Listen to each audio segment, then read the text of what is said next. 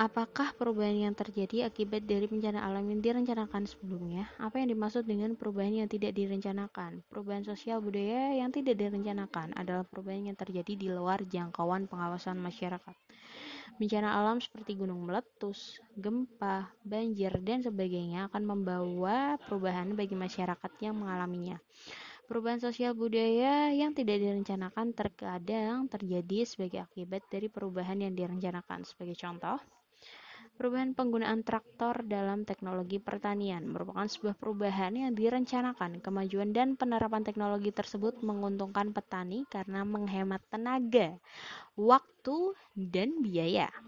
Namun di sisi lain menimbulkan dampak yang tidak direncanakan. Misalnya banyak buruh tani kehilangan pekerjaan karena tenaganya telah digantikan oleh mesin.